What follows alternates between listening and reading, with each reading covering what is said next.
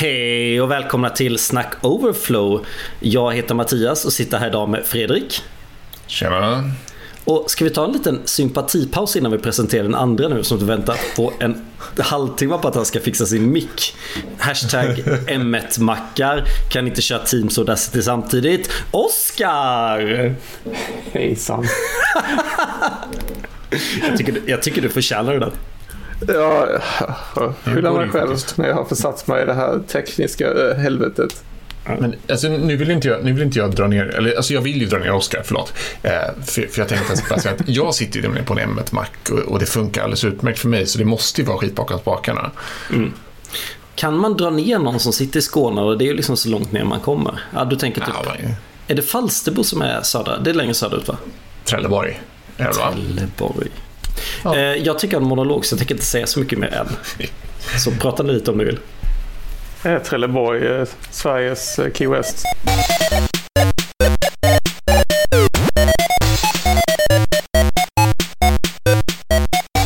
Jag är ju, det är ju extra illa att Oskar fuckade upp. Eftersom att jag är så jäkla pepp på det här avsnittet. För det är nämligen så att jag gick en kurs förra veckan i ett verktyg som heter Unfixed. Som, som Unfixed som är... Som, jag vet inte om man vet vem Jörgen Apollo är. Om man har läst lite Management 3.0 och sådär så vet man vem det är. Jag gick en kurs med honom. Eh, och den var jättebra. Och, och skönt att vi till slut kommer slippa safe nu när frälsningen kommer. Uh, ni hörde det här först. Men han hade en case study som liksom, de hade redan gjort sitt agila sätt. Eh, som han hade liksom, liksom, de hade samarbetat för att mappa in deras unika modell in i hans nya modell. Uh, och jag blev så himla inspirerad av deras arbetssätt. Så jag tänkte dra en liten monolog om hur det här bolagets arbetssätt skulle vara. Vill ni lägga till någonting eller ska jag dra iväg min monolog? Kör på. Nej, men kör igång. Mm. Ett agilt arbetssätt. Eh, Bolaget heter Pipedrive. Ett estoniskt spelbolag tror jag. Eh, det, det, det, spelar ingen roll. Och vi kommer vara väldigt inspirerande, inspirerade av det de gör. Eh, vi kommer kanske inte beskriva det exakt som de gör och vi kommer tolka det lite fritt. För målet då är att vi ska filosofera runt ett alternativt agilt arbetssätt. Snarare än att vi ska redogöra exakt för hur de gör det. Är ni med? Absolut. Bra. Absolut. Tänk er era traditionella 3-5 team. Alltså en så här 25-35 personer.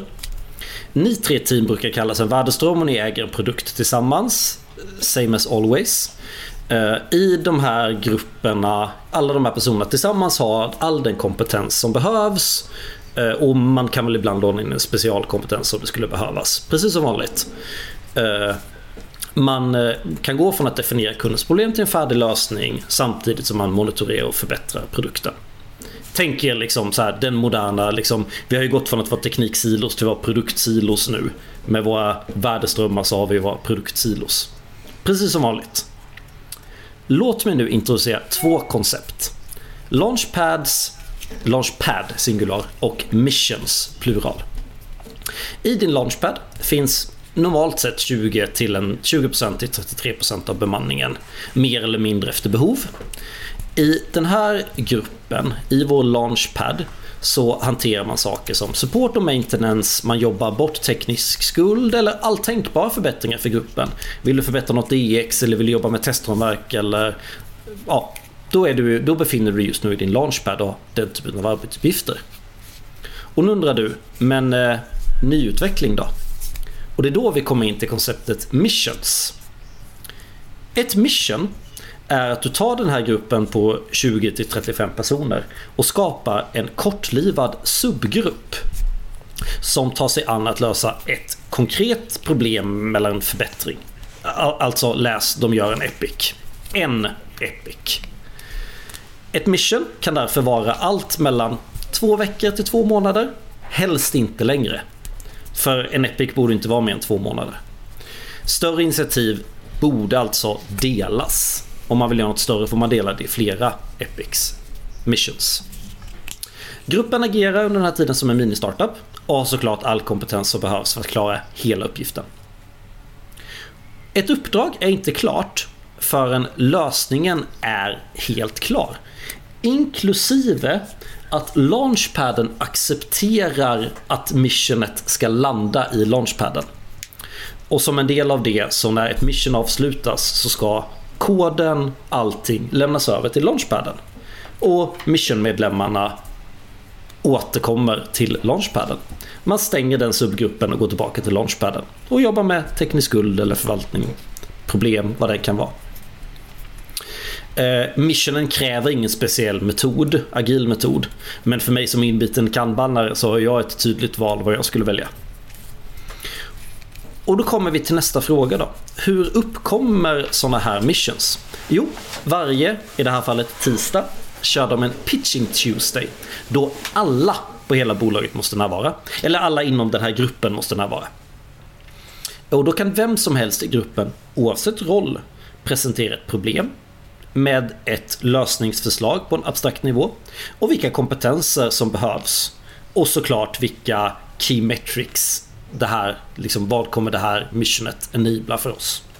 Som man sen kan mäta i efterhand om missionet var lyckat eller inte. Under den här tiden har man också tid till att köra demos av slutförda missions. Brukar man använda, kan man använda den här tiden till. Men ja.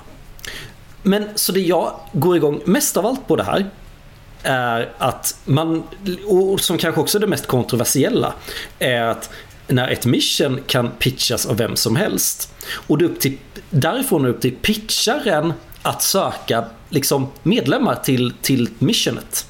Och ett mission får inte starta förrän den som då ska driva det här missionet är nöjd med bemanningen. Så det är liksom upp till de med kompetens att avgöra vilket mission de vill jobba på.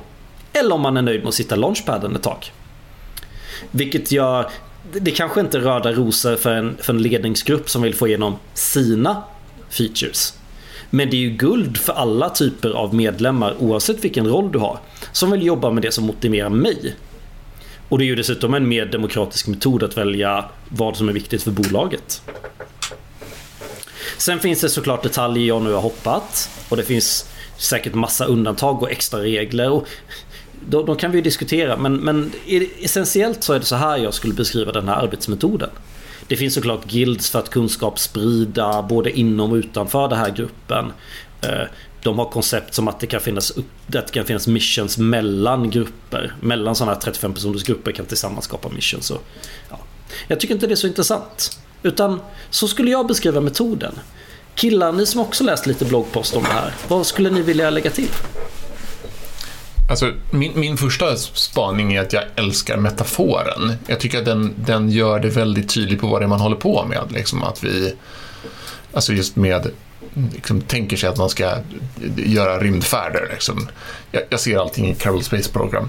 Men, men, eh, men, men, principen i alla fall. Liksom, vi lastar in oss i en rymdfarkost, vi åker iväg någonstans, vi, vi fixar någonting och så landar vi igen. Liksom. Det, är en, det, är en, det är en tydlig metafor eh, som, som beskriver arbetssättet mycket bättre än vad typ Kanban eller, eller eh, Scrum gör, som är mer bara liksom byråkrati.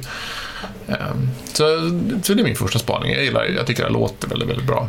Tyckte du jag missade någon detalj när du hörde min beskrivning? Nej, nej, nej jag tyckte det var bra. Men, men alltså, allt, man måste ju se allt, allt det här som att det är, lite, det är ett förslag på hur man skulle kunna jobba. Oh ja. och, och det essentiella för mig är ju de kortlivade teamen. Som löser en sak och sen återvänder till stora teamet. Jag gillar den här idén av att, att det uppstår olika team. Av att man liksom byter runt lite mellan de olika uppdragen. Vill Oskar svara på första frågan innan vi glider in i fördelarna?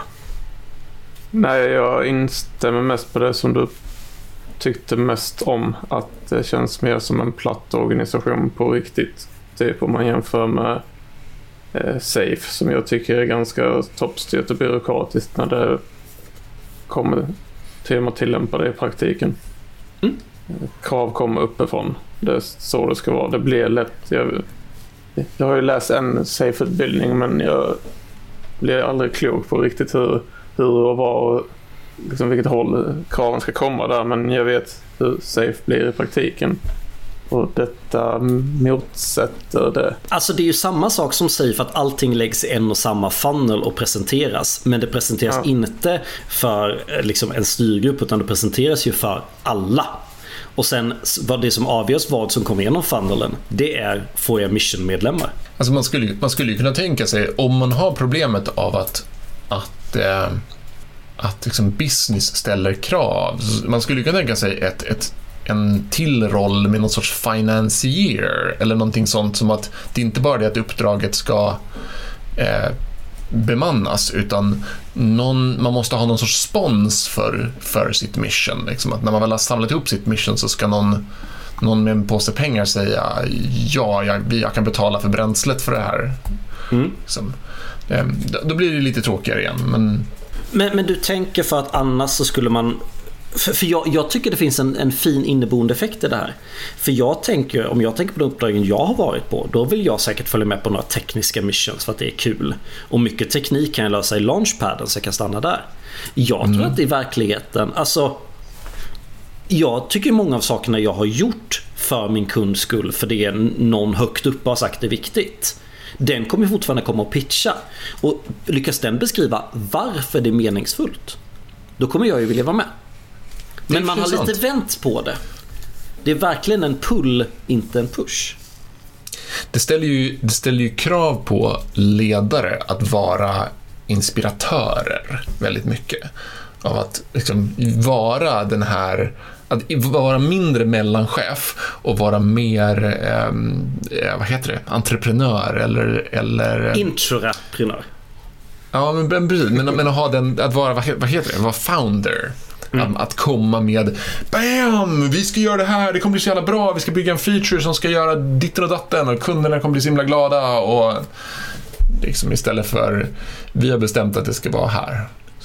För så beskriver de det i artikeln som du har ombett mig att läsa. Den kommer i show notes.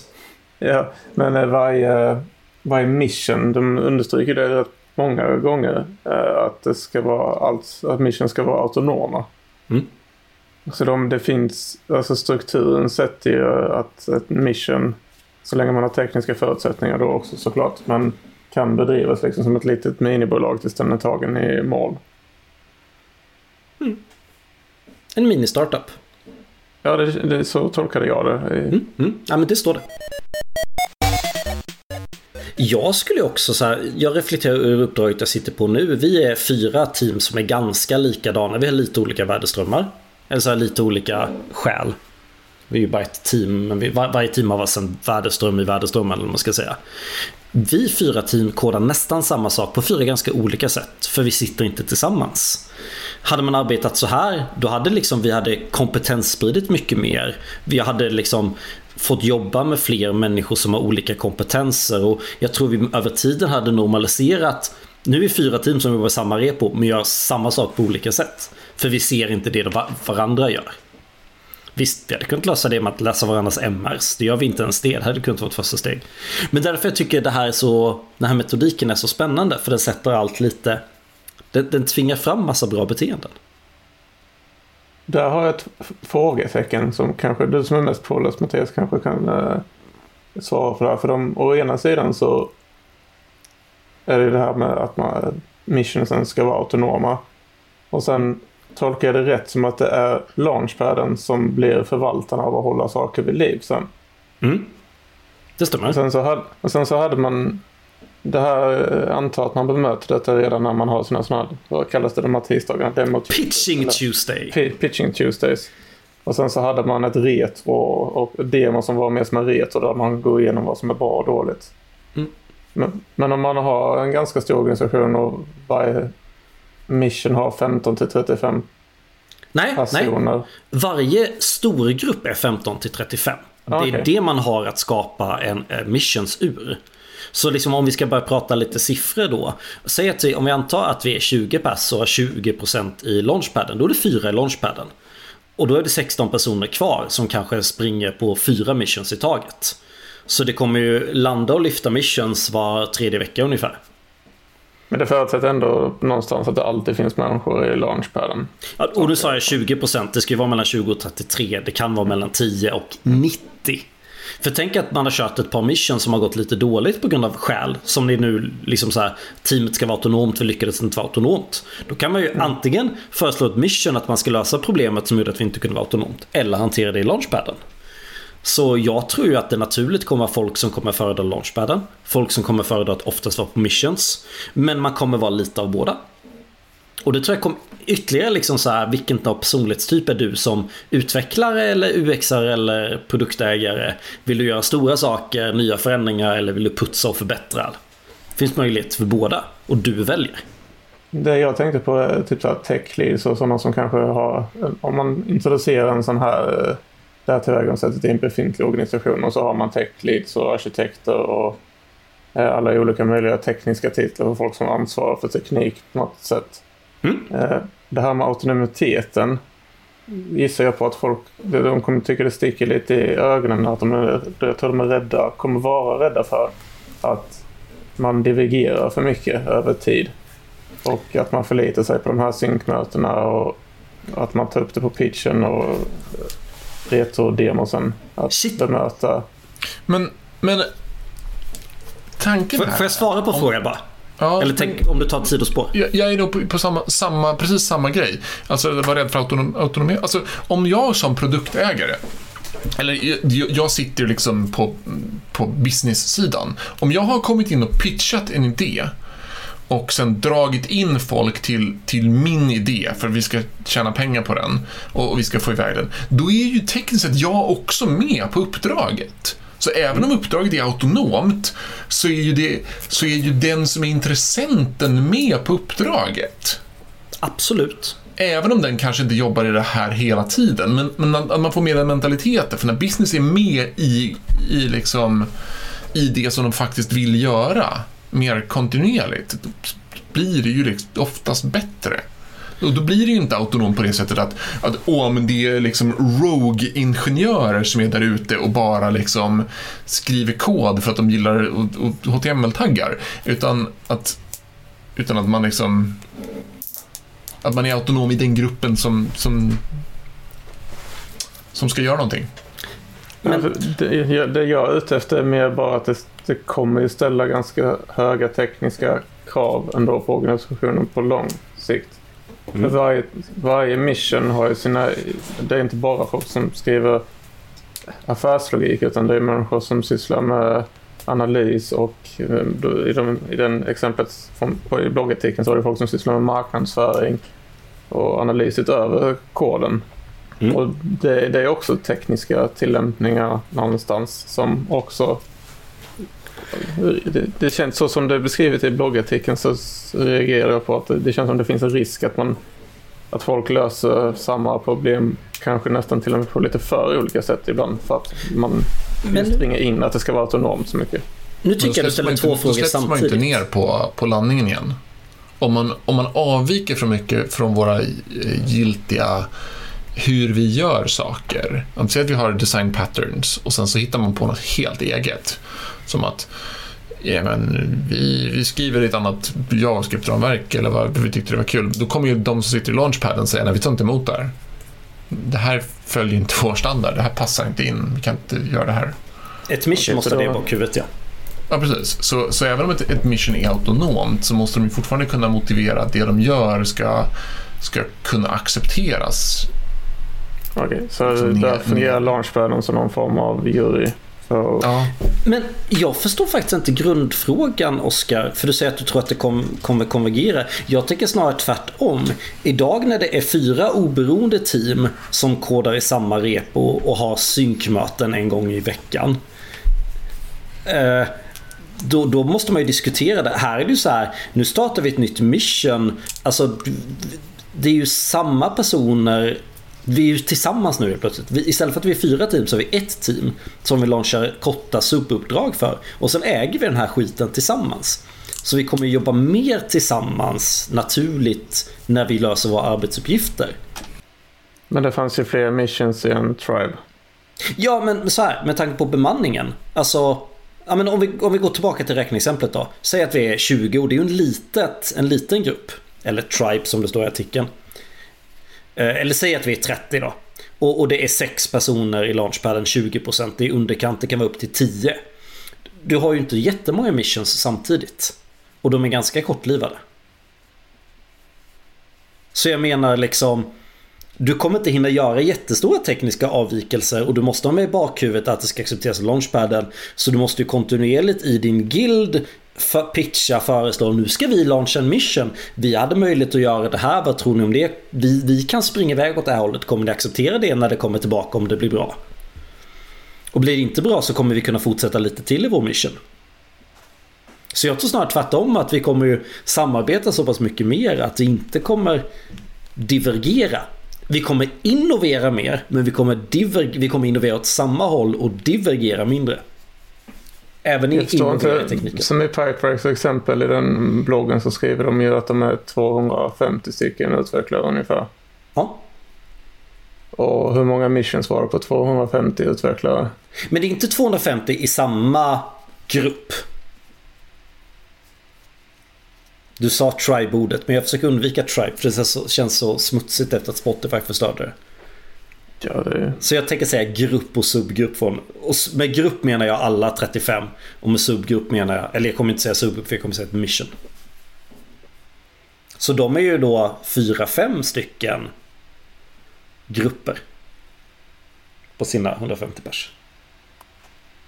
Då, ja, då skulle ju denna metoden kunna vara bättre än sina eh, motståndare. Om man får uttrycka det så. För om man då har launchpaden som någon form av eh, eh, jury som antingen accepterar lösningsförslaget eller inte. Och sen så då- kanske de eh, accepterar det och sen så kommer de två som var mest neggiga och den som var mest... De två i launchpaden som var mest neggiga och den i missionet som var mest positiv kommer de tre sitta tillsammans i launchpaden och städa upp det här. De kommer inte gå på nya missions för de har känt att de har hanterat ner den tekniska skulden. Då landar väl inte missionen? Ja, det, det avgör man ju lite. Alltså landar innebär ju att det är bra nog. Jag tycker jag har inte riktigt förstått själv om att man får släppa någonting innan ett mission har landat. Men man får inte lämna över till launchpaden förrän den har landat. När den landar kan du fortsätta, ska, du, ska du ju fortsätta jobba på saker. Men då är det inte stora initiativ utan då är det teknisk skuld och sådär. Det beror ju på vad du har för definition of done såklart. Och det kommer ju vara Mm. olika på olika ställen. Man kanske bestämmer sig att mission som landar aldrig har Google Analytics eller någon typ av Analytics-data påslaget. Utan det är ju alltid launchpaden. För du, kan, du måste landa och prova innan det är lönt att tracka. Det var ett dumt exempel. Det kan vara vad som helst, men bara som ett exempel. Ja, men alltså, säga, säga att eh, det, allting måste vara feature-togglat när du, när du landar missionet.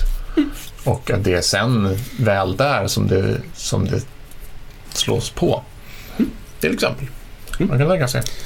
Och jag vet Men- ju men det här- personlighetstyper som garanterat hade velat sitta i launchpadet tills någon tvingar upp dem i ett mission. Och på samma sätt så tror jag att jag hade sprungit väldigt mycket på missions. Och kanske om jag skulle vilja göra någon teknisk förbättring att jag hade försökt och, och där kommer vi till det roligt då. Om man skulle vilja göra ett designsystem är det för mig inte självklart om det är ett mission eller om det är något man gör i launchpaden. Och jag tror ingenting är fel. Jag tror det är två alternativ att lösa det på. Men det, måste, det, det där måste väl vara från fall till fall. Alltså Såklart. typiskt av, av att vi, vi behöver göra om någonting i det designsystemet vi har. Men okej, ja, men då är det ett mission. Eller det behövs en ny knapp eller den ska ha lite annorlunda styling. Ja, okej, men då är det i launchpaden. Ja. Liksom, eller hur det nu... Så. Absolut. Jag har en till fråga. Jag, jag varit duktig och antecknat när jag läste artikeln. Wow! Ja, jag, vet, inte- jag vet inte om ni kommer uppskatta det eller inte. Men eh, eh, för varje mission så åker man och, där, att den får landa så, ut, så får man ju i någon mån, även om man kanske tar bort gammal kod, men i någon mån så i ett grundexempel så får man ju mer, en större kodbas kan man ju säga för varje mission. Alltså man får ju mer funktionalitet. Det, det man löser blir ju större, lösningen blir ju större för varje mission som landar. Alltså man får ju mer, Ju mer kundnytta ju mer kod och du är ledsen att, det är mer, att man hinner skapa mer kundnytta snabbare. nej det är inte alls det, det, är inte alls det jag är ute efter. Men kod, kodstacken blir inte mindre av att för varje mission som landar. Så Nej. Om man tänker att man har gjort detta på en startup då kommer ju kodbasen växa i princip för varje mission. Och en sak jag inte förstod är är- för då ökar ju belastningen på launchpaden med tid. För varje Mm. mission som landar så ökar ju belastningen på launchpaden. Blir det inte ett anti-pattern, men blir det inte... Det känns så för, för varje mission som landar så känns det som launchpaden måste över tid växa. För att det måste vara... Beroende på vilket system man skriver och hur tungt det är att facilitera så krävs det ju fler människor som faciliterar det. Och se till att saker hålls igång och följs. Men, men säger inte det här också någonting om att, att ju större er lösning blir, till slut, alltså om vi tänker oss att, att vi bygger en lösning som blir, som, som vi har kört massor med missions, så den blir, växer och växer och blir större och större och större. Till slut så har vi ju tagit in så pass mycket folk och vi har, vi har blivit, växt så mycket så att vi inte längre är ett team. När vi börjar bli liksom 40 personer, då har vi sprängt de här gränserna. Då kanske det är bra att dela av det här i två olika teams som får egna launchpads.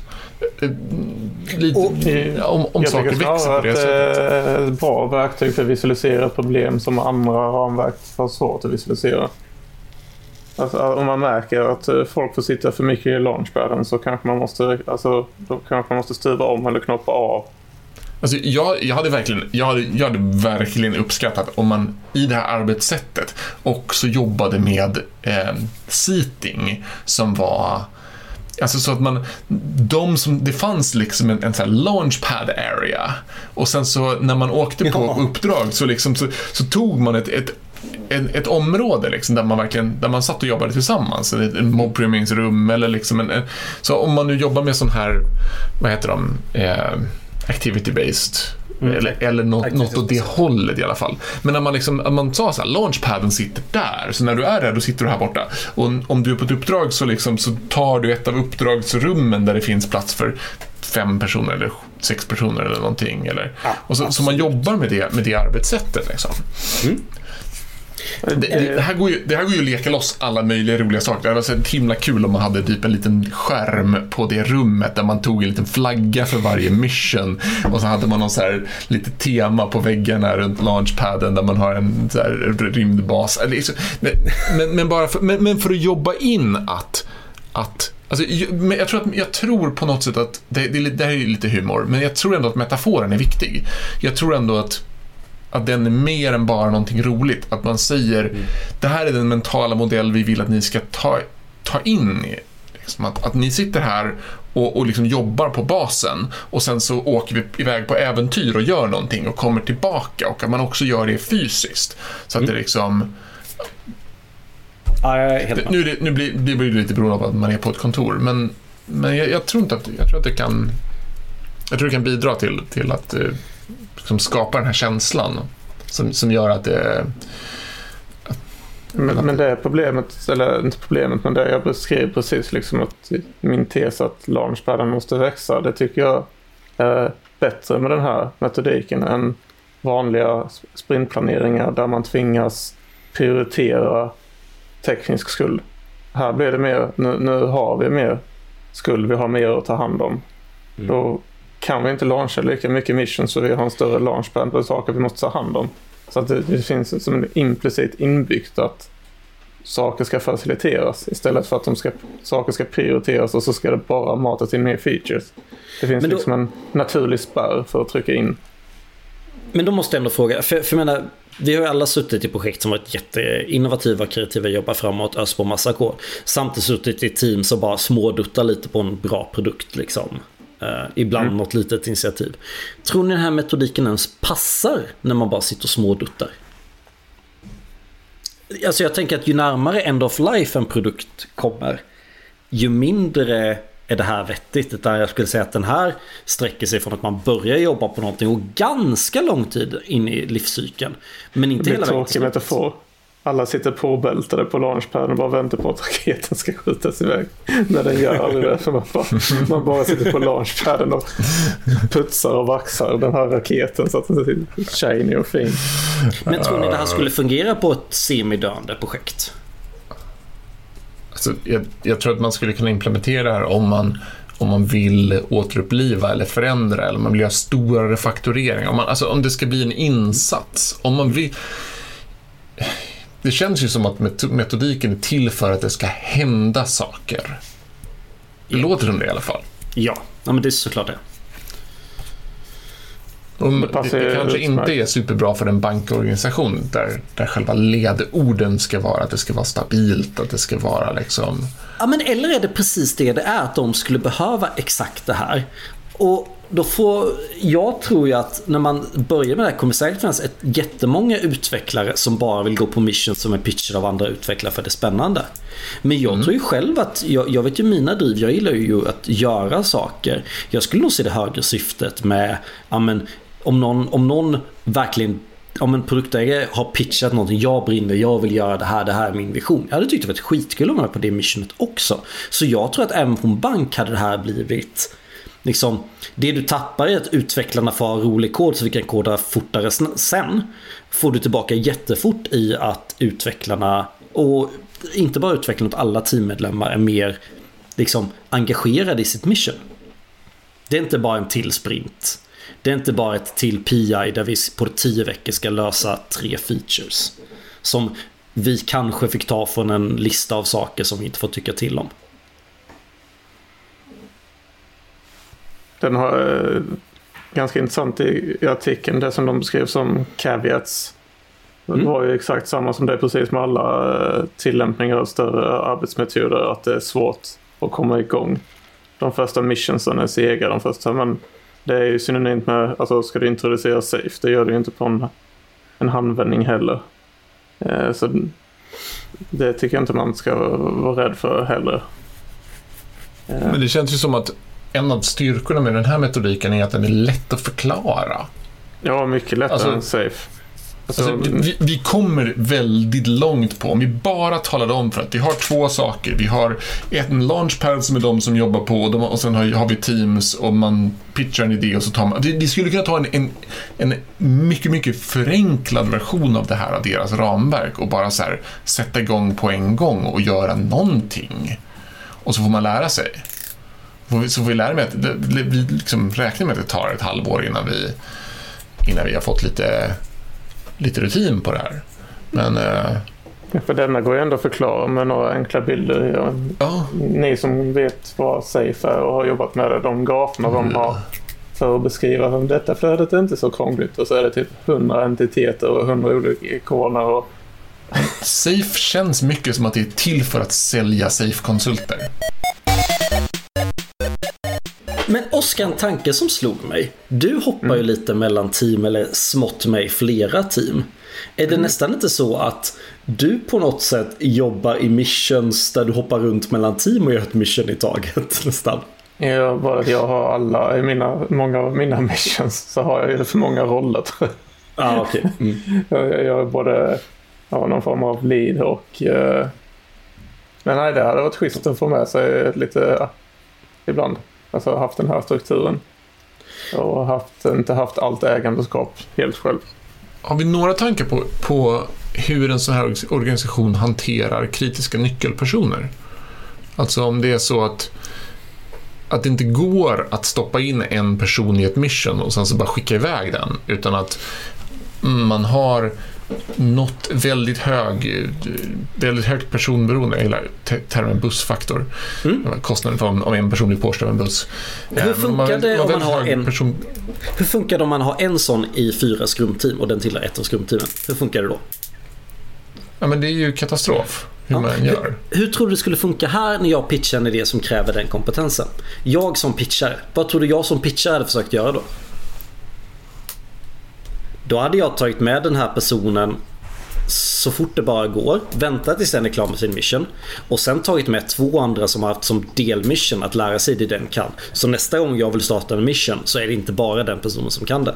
Eftersom att vi startar om och skapar nya virtuella småteam, subteam hela tiden så kommer den här personen rotera mellan många personer och gnuggar. Man kommer gnugga av varandra hela tiden. Mm. Launchpaden kommer inte acceptera att den här personen får specialkompetens. För då kan inte Launchpaden ta hand om det. Så det enda jag säger är att den här en- personen kanske alltid sitter i Launchpaden. Men då får den aldrig vara med och innovera och då kommer Ja, det här men, men, minska. men nu, nu, nu tänker, det, det, här, det här funkar bra om du har en nyckelperson som, som en typ en arkitekt eller en, en tech lead eller någon som har specialkunskaper. Eh, det blir ju lite jobbigare om du har en designer, eller om du är en spelutvecklare, om du har en ljuddesigner som ska jobba i fyra olika team. Om du har en, en marknadsföringsperson, eller alltså ofta så kan de säkert hoppa runt mellan lite olika och man kan planera deras in, inblandning i någonting.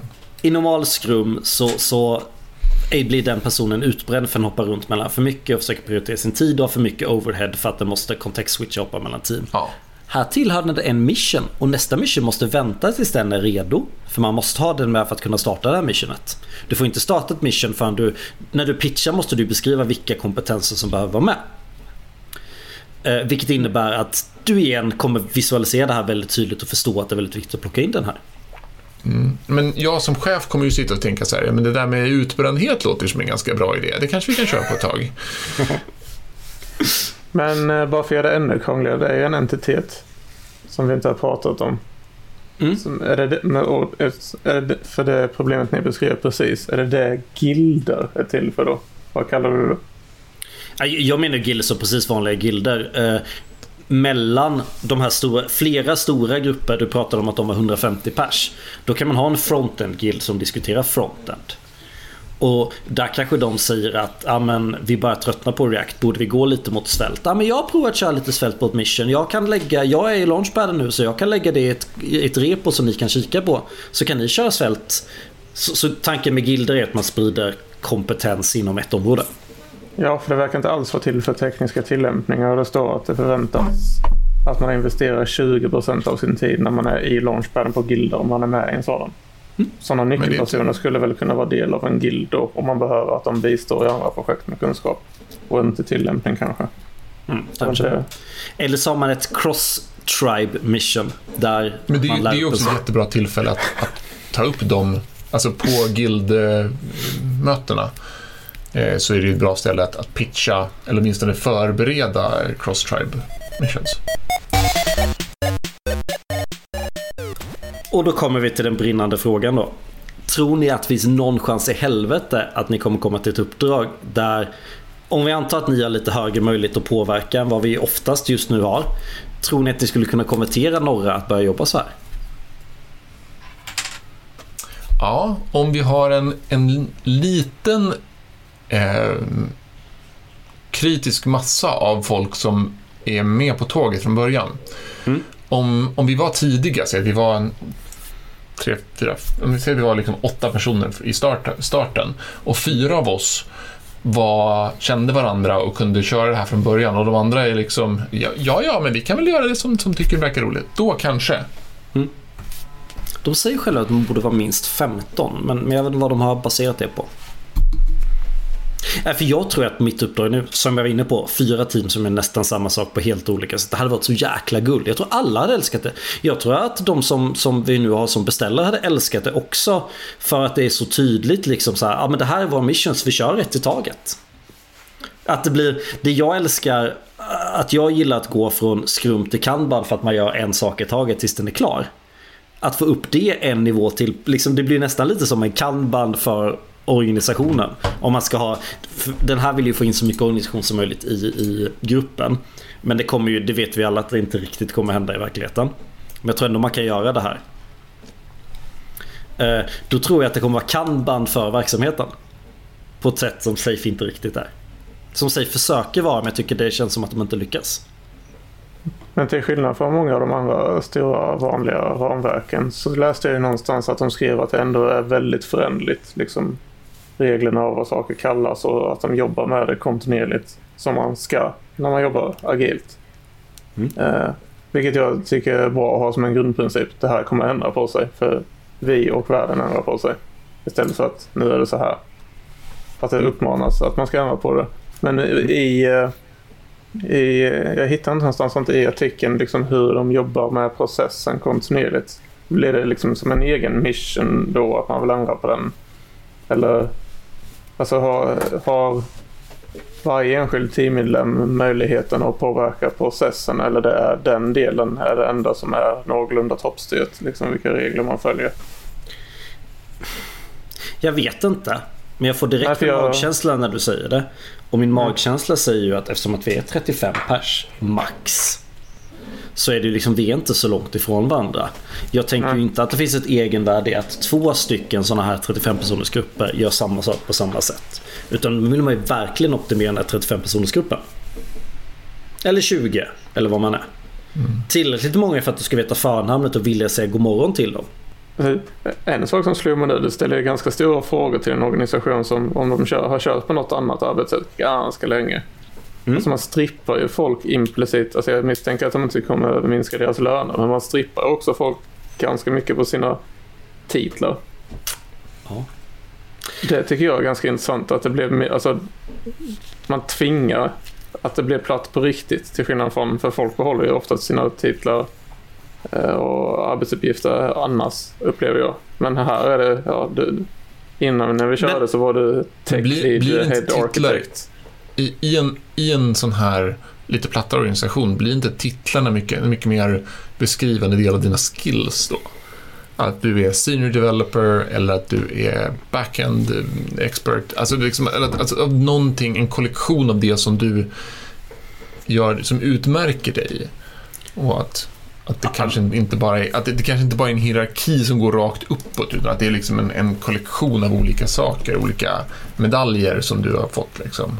Ja, jag förstår vad Oskar är på väg. Jag, jag förstår vad du är på väg Oskar. Jag, jag tror absolut att det kommer att ett av problemen vid införandena. Var hör jag hemma i det här? Kommer folk tycka. Ja, lite. Alltså det var som, det första jag kan tänka, eller bland de första grejerna jag kan tänka mig om man skulle implementera det här så kommer de bara, men, men, men, men jag har jobbat här 15 år, jag vill inte bli av med min, min häftiga kostym. Vad är det som amerikanska militären säger, respect the rank eller någonting. Att man är rädd att man blir av med den lite grann. Mm. Det, jag tror å andra sidan det är väldigt sunt för de personerna. Ja, det kommer nog inte själv att tycka. Får jag prova Nej. en tes då? Vi börjar närma oss slutet. Mm. Ni, ni, kan sig hyfsat, Fredrik också va? Ja, jag har mm. gått kursen. Vad, vad, vad tror ni, hur länge tror ni att ett tåg från liksom den här RTN, alltså Scrum of Scrum Mastern och jag vet inte vad solution och tekniska arkitekterna. Hur länge tror ni att tåget neråt hade kunnat mör mörka för organisationen uppåt att man jobbar så här? De gör fortfarande sina ceremonier där de gör weighted shorted job first och vi har en, liksom en väldigt kort PR-planering då. De kommer tycka ah, vad smidigt det gick.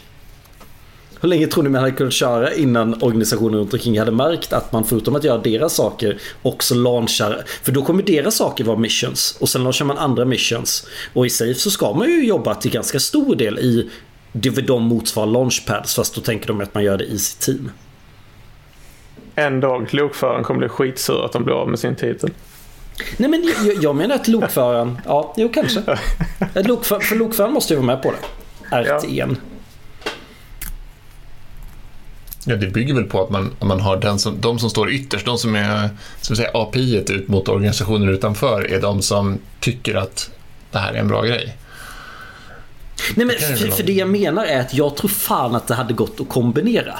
Att, att liksom de här som kommer och lägger stora viktiga saker i funneln och förväntar sig att jag har en titel så det här ska göras.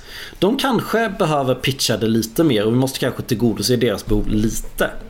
Men jag tror där runt omkring att vi liksom kontinuerligt, liksom, att man hade kunnat kombinera det. Det är det jag lite, men, eller så här, men, konvertera bort från Safe genom att införa det här. Ha kvar det viktiga från Safe att organisationen börjar tänka mer agilt. Samtidigt som istället för att de lägger det i en funnel så pitchar de det till teamen. Men är inte, inte det här liksom tvärtom mot hur vi borde jobba agilt överhuvudtaget? Alltså det, det, istället för att en chef sitter uppifrån och talar om vad de under ska göra så ska ju chefen ge önskemål på vad de skulle vilja uppnå istället. Det, det här var kapitlet i avsnittet Fredrik där jag försöker få det att funka i verkligheten. Ah, jag, jag, jag, I den dåliga verkligheten. För i den bra verkligheten har man inte ens de här problemen. Då spelar det ingen roll vilket arbetssätt man har. Nej. Det är när man har de tuffa tråkiga kunderna man kan ha behövt här. Ja. Men jag, jag förstår vad du är på väg. Jag håller helt med. För, det, för, det, för det jag finns, säger ju inte att det är det optimala. Utan för det, finns någonting, det, det, det, finns någonting lite, lite tråkigt i det här, det som du säger, är att en, en dålig, dåligt fungerande, dåligt fungerande arbetsplats kommer det här inte spela någon roll. Det kommer krascha ändå. Oavsett vad vi kallar våra grejer för så kommer det, kommer det inte fungera. Och i en väl fungerande, trevlig organisation där Men- folk men gillar liksom, det spelar ingen roll om det är safe eller om det är launchpads. Det, liksom, det, spelar ingen roll. Det, det är inte det som är problemet. Och i en, i en bra, alltså med, med ett bra gäng som, som på något sätt trivs så kommer vi inte behöva några sådana här ceremonier överhuvudtaget för de kommer uppstå ganska organiskt ändå därför att Ja. Jag tror det hade varit en möjligare i vilket fall, men jag förstår vad du är inne på. Jag tror om man committar till detta, alltså på riktigt, jag tror man måste committa på det på riktigt, det är att det inte bara, till skillnad från mycket av de här andra tillämpningarna, så handlar det om uppgifter till utvecklarna.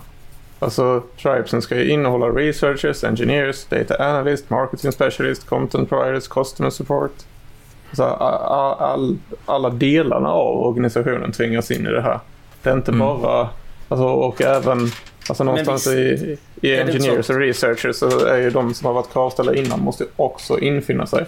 Alltså denna om man inte committar till denna 120% så kommer det funka precis lika dåligt som alla andra. Men det är ett ramverk här som inkluderar hela organisationen istället för att det är utvecklare i botten. Men det är väl det Safe försöker göra också. Så det, det är ju, man har ju samma svaghet, alltså det finns ju samma riskfaktorer om det är vissa personer som inte vill jobba agilt, förutom på pappret. Fast Safe är inte alls lika inkluderande. Alltså det, det har ju dina architects och det är i alla fall inte praktiken upplever inte jag. Jag tycker det är mycket hö- mer hierarkiskt. Eller det blev väldigt snabbt en tydlig hierarki uppifrån och neråt. Men då är vi ju lite så här, vad är den trånga sektorn liksom? Uh, varför får vi inte ut så mycket kundnytta? Är det för att vi har för få produktägare som har visioner eller är det för att vi har för få utvecklare som genomför dem? Vad upplever ni att oftast är problemet? Hur ofta har... För, för, för mig är det så här, jag, jag upplever ju att det finns ju alltid massa som har visioner och så genomför man ungefär hälften för att man har inte till med utvecklingskapacitet. Man vill ju börja optimera sin organisation efter sina utvecklare. Och jag tror det här är det mer motiverade utvecklare som har genomfört mer. Kanske inte alltid exakt i den ordningens chefer hade tyckt. För cheferna får inte alltid sina missions först prioriterade som de är vana vid. Men jag tror totalt sett, skulle man göra en buy-in på det här så tror jag att det hade varit en väldigt snabb return of invest. Alltså Pitch Tuesdays. Nu, jag jag har tänkt på parallellt här med, längs med hela avsnittet. Och det är också min favoritgrej med hela konceptet. För därför vi pratar om något annat avsnitt ibland. Att liksom när man, om man är på ett uppdrag länge sen ibland så vet man knappt varför man gör saker. Eller att man saknar lite engagemang och vetskap i. Jag tror vi pratade om det.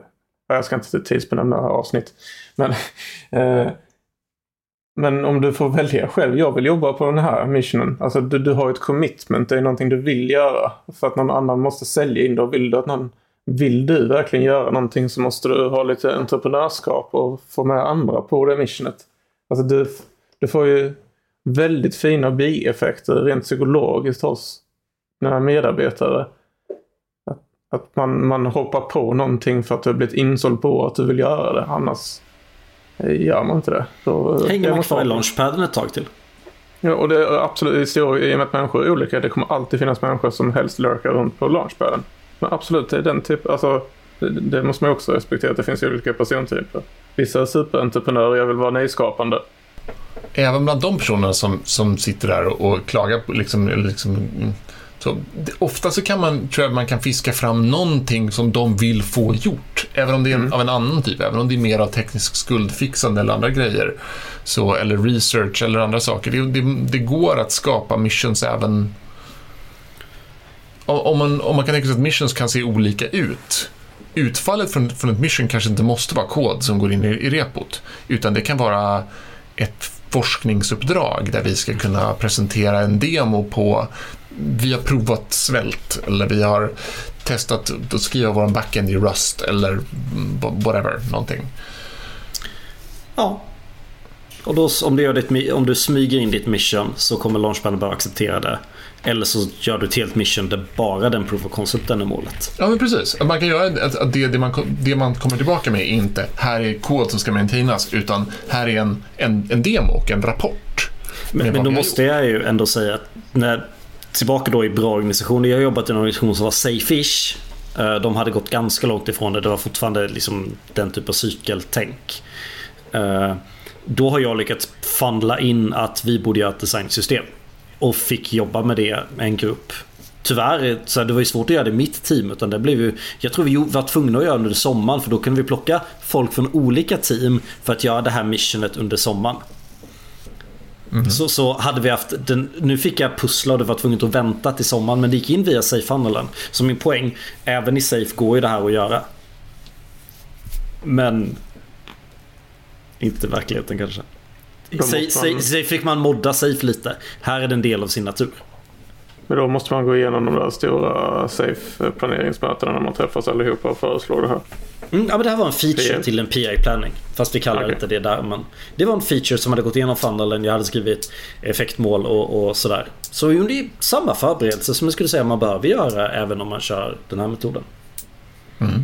Jag tycker ändå in, in, imponerande salesmanship på, jag kommer inte på det svenska ordet, eh, på de som, ja, lösningen för att vi ska göra rätt saker, vi har möten nonstop i tre dagar. Eh, två eller tre dagar en PR-planen kan vara. Två helst väl? Ja.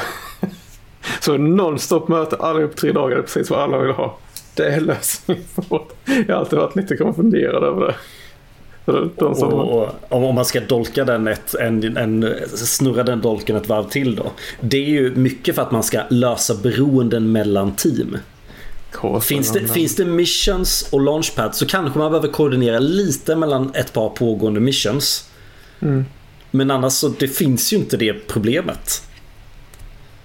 Ja, men det, det, blir, det blir nästan som att de här PA planning-mötena måste sockras med någonting mer. Som att det är så här, men vi förlägger alla PA planning-möten de här tre dagarna på en resort någonstans. Eller man liksom lovar att det finns godis och god mat. Eller, Ja, men, men, liksom, men det, är det, det, är på något sätt det som krävs för att de inte ska bli en, en tortyrevent. Jag visste att det skulle urarta åt det här hållet. Ja, ja. ja. Det är kul. Men man, om, om, du tog, om du tog med en kamera och fotade folk när de är på en PI planning event så skulle du inte se att de ser så här otroligt glada ut. Möjligtvis när det är lunch liksom. En sak vi faktiskt inte alls pratat om.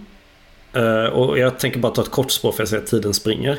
Tror ni, och jag trodde ni skulle gå in på det, så jag är lite förvånad att det är jag som behöver säga det. Eh, att man byter team hela tiden. Alltså man tillhör den här gruppen på 20 pers. Det är en ganska stor grupp. Och sen så skapar man smågrupper hela tiden. Vi utvecklare gillar ju inte att lära känna nya människor. Tror ni det kommer vara jobbigt för utvecklare att man hela tiden byter man har ju en primärtillhörighet som är stabil men sen har vi ju den stora, eller man har sekundärtillhörighet som är stabil. Men ens primärtillhörighet ändras ju hela tiden. Ja, det kommer vara jobbigt. Men jag tror man kommer lära sig. Jag tycker inte det personligen är jobbigt alls. Men... Uh... Och det är väl, egentligen finns det väl ingenting som hindrar en från att Eh, om, du är en, om du är lite så här och inte tycker om för mycket förändringar, att man har två utvecklare som alltid gör, antingen i launchpaden eller på samma mission tillsammans. Det är väl okej okay, om det för, krävs för att de ska vara glada liksom. Och ska jag vara lite fördomsfull så tror jag det finns ett samband mellan de som tycker det är lite jobbigt att gå på missions att de också trivs i launchpaden. Sen behöver ju de gå på missions också. Jag tror det är jättenödvändigt. Jag, jag tänker till exempel på att jag ofta haft arkitekter, kodande arkitekter eller tech leads som sitter i arkitekturteamet som, hade, som då hade suttit i launchpaden istället. Som hade haft jättenytta av att ibland dra iväg på ett kort mission. Mm. Det kan bara ta två, tre veckor för en liten epic mission. Man får minska trösklarna mellan människor och fira ordentligt när man landar ett mission bara. Mm. Så att det är liksom en... Ja, men jag tror det är därför det är viktigt att inte skala det här över 35 personer totalt. Mm. Nej, det kan nog vara vettigt. Det är därför gillar jag den gränsen. Ja, Man sätter en brytgräns på, når vi upp till det här så är det dags att skapa två team. Ja, jag tror, ser man till att det finns endorfiner i slutet av tunneln liksom, som kommer man minska trösklarna. Och inte tycker det är lika jobbigt att vända blad mellan teamen. Så 35 personer är egentligen inte jättemycket. Så, jag vet inte. Min personliga åsikt är att man får bita ihop lite då. Det är nyttigt. Yes. Eh, tiden springer. Har ni, har ni något veckans tips på lager eller ska vi bara ta det här? Jag har ett veckans tips. Har du det? Om om man har slutat med en träningsform och inte gjort den på tre år. Skit i att börja med den igen då. Den är död för dig. Ja, jag har, jag har betalat för ett gymkort i tre år och sen så kom det lite pandemi och sånt och så var jag paranoid och gick aldrig till gymmet någonsin. Men så gick jag till gymmet igår och idag hade jag haft nytta av en rullator. så, men nu måste jag ju fortsätta, liksom nu har jag ju påbörjat igen men om det är någon annan där ute som funderar på att börja gå till gymmet igen, gör det inte. Det är mitt tips. Har jag tipsat om mitt tangentbord? Nej, det tror jag inte. För jag har ju i typ ett år nu haft världens bästa tangentbord. Jag har ett Keychron K3. Mekaniskt tangentbord, lågprofils cherry-brytare. Jag väljer att köra bruna, men eftersom att de är lågprofil så är de inte lika klickiga som vanliga bruna. Eh, kopplar du i sladden så går den på sladden. Eller så flippar du över en toggle till bluetooth och kan med en knapptryckning, eller en, två knapptryckningar då, en kombination, hoppa mellan tre olika bluetooth-kanaler. Så ja, det är tillräckligt och det är 35-procentigt. Eh, Det är tillräckligt stort för att ha hemma på mitt skrivbord fyra dagar i veckan när jag jobbar hemma. Det är lite litet att lägga ner i väskan. Eh, Det hoppar lätt mellan två av mina datorer och min telefon. Kan det, kan det vara tangentbord åt. Om jag kör en prestation via mobilen. Världens bästa tangentbord helt enkelt. Nice. Fredrik? Ja, jag kan ju dra tidigare. Min eh, senaste eh, grej jag hittade var att börja med, vad heter det, Pico CSS. Ehm, och jobba med... Du vill inte ha ett avsnitt om det alltså? Nej, men... Jag tror att det är för lite för att ta ett helt avsnitt om. Ja, ja vi får se. Nej, Kör men, då. men vi, vi, kan, vi kan köra vidare avsnitt. Nej, men själva idén av att jobba med att styla vanliga HTML-element istället för att hålla på att skriva klasser på dem. Ehm, det, det öppnar upp lite av en så här, ah, men vänta.